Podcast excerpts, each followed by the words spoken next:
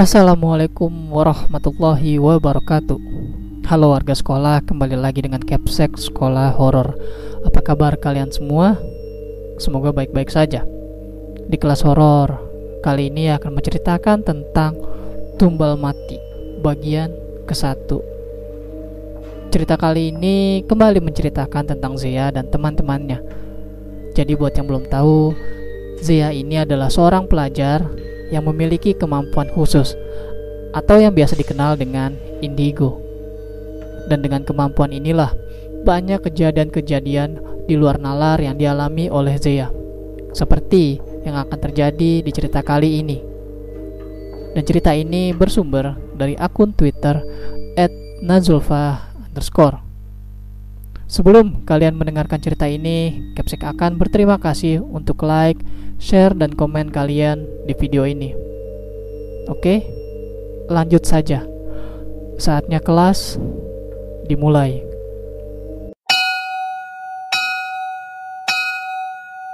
Suasana di sekolah Zea pagi ini cukup dingin. Cuaca hari ini pun sedikit mendung. Sepertinya langit sedang ingin menangis hari ini. Sudah banyak siswa yang berlalu lalang di sana.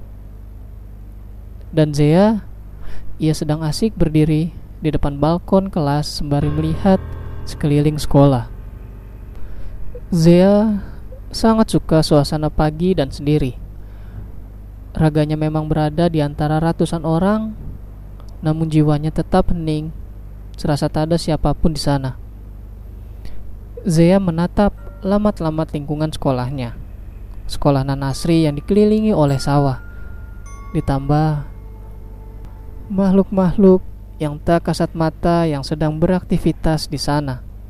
Walaupun tak banyak, namun itu bisa terlihat oleh Zea. Tapi Zea mencoba tak peduli dengan semua makhluk itu. Toh mereka juga tak mengganggu Zea. Satu tetes, dua tetes, tiga tetes. Perlahan bulir air turun membasahi bumi. Terlihat di bawah sana banyak siswa yang berlarian untuk meneduh ke area gedung sekolah. Zea memejamkan mata, perlahan dihirupnya aroma khas tanah yang bercampur dengan air hujan. Zea sangat suka itu. Zea, saat sedang asik menikmati suasana, Zia dikagetkan dengan suara yang samar-samar seperti memanggil namanya. Sontak, Zia pun langsung membuka matanya dan menengok ke arah kanan tempatnya berdiri. Dan benar saja, di sana sudah ada Mara, teman Zia. Zia hanya melirik Mara sekilas dan kembali menikmati bulir air yang turun semakin deras. Zay, akan ada sesuatu hari ini. Zaya mendengus kesal. Mara ini selalu menghancurkan mood Zaya ketika pagi hari. Selalu berceloteh tentang hal-hal yang membosankan menurut Zaya. Zaya, kamu jangan dekat-dekat sama anak itu ya. Ingat Mara. Dia siapa? Ujar Zaya dalam hati jantungmu akan sakit. Kendalikan emosimu, akan terjadi sesuatu besar hari ini. Aku tak bisa menolongmu, bahkan Celia dan Nadine pun tak bisa membantumu. Jelas marah panjang lebar. Sesuatu apa?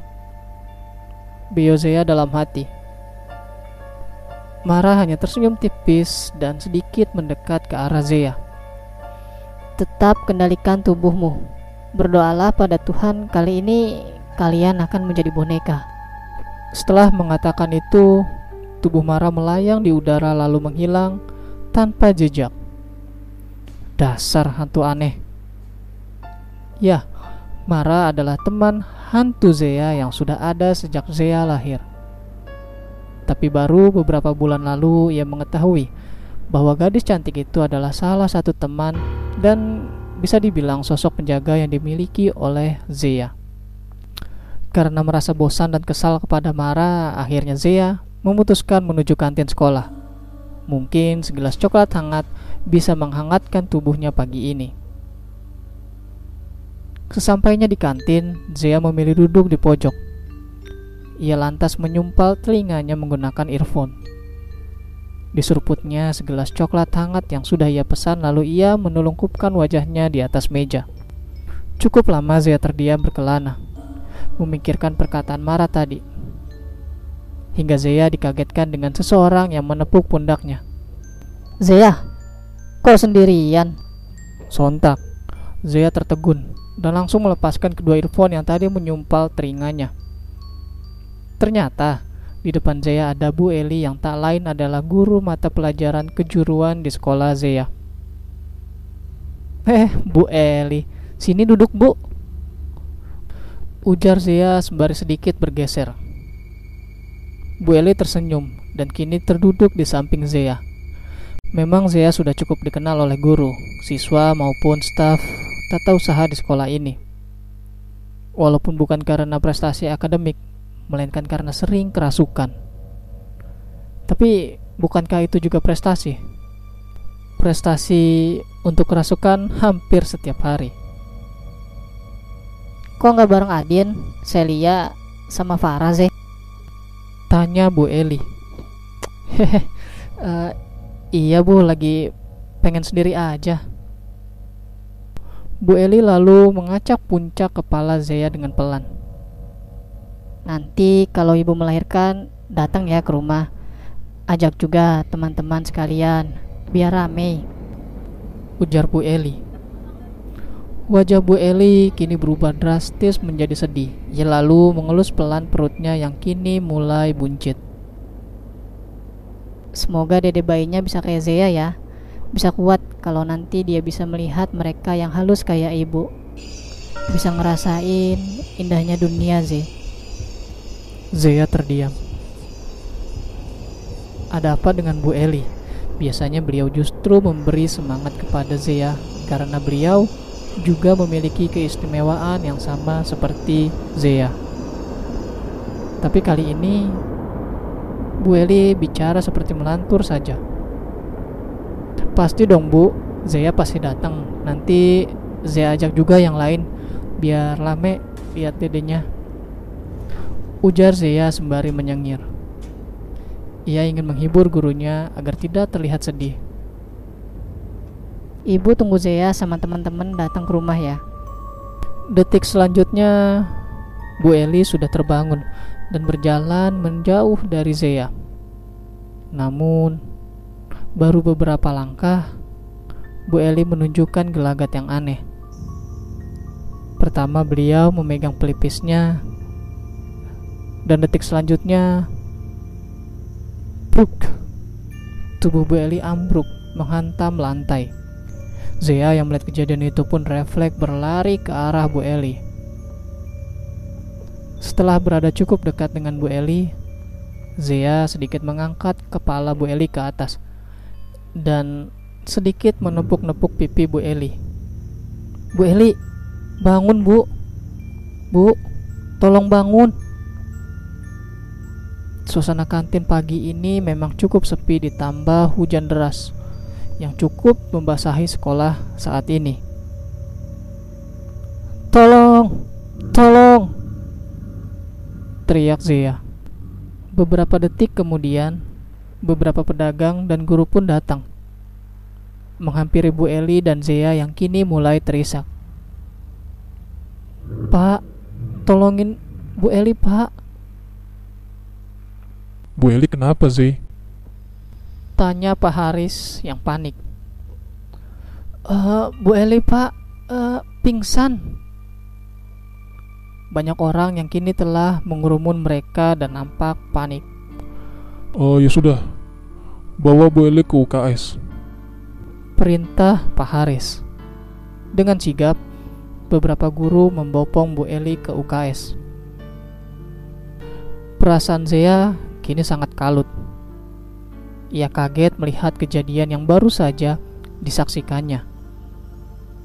Dengan sedikit terisak dan berjalan tergopoh-gopoh, Zea mengikuti Bu Eli dari belakang.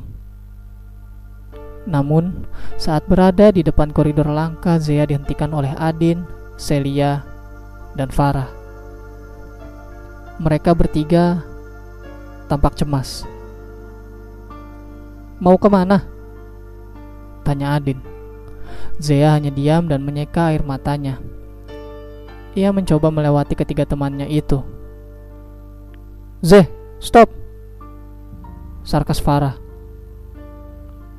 Kalian kenapa sih? Gua cuma mau nolongin Bu Eli. Celia mencekram bahu Zea dengan erat. Siapa ini? Zia mencoba memberontak namun gagal karena cengkeraman Celia cukup keras.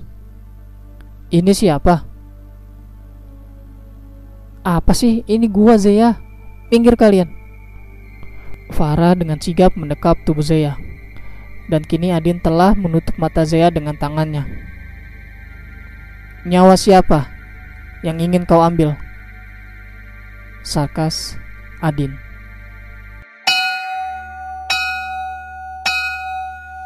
Itu dia cerita mengenai Tumbal Mati bagian ke-1 di mana Zea bertemu dengan Bu Eli yang seorang guru di sekolahnya dan sesuatu terjadi kepada beliau. Yap, jatuh dan pingsan. Kira-kira apa yang akan terjadi dengan Bu Eli? Well, jawabannya ada di video yang selanjutnya yang nanti akan kami bacakan. Kemudian terima kasih buat kalian warga sekolah yang telah mendengarkan cerita ini dan terima kasih juga kepada akun Twitter underscore yang telah memberikan kami izin untuk membacakan cerita ini. Jangan lupa like dan share video ini agar warga sekolah horor semakin bertambah. Dan sampai jumpa di kelas berikutnya.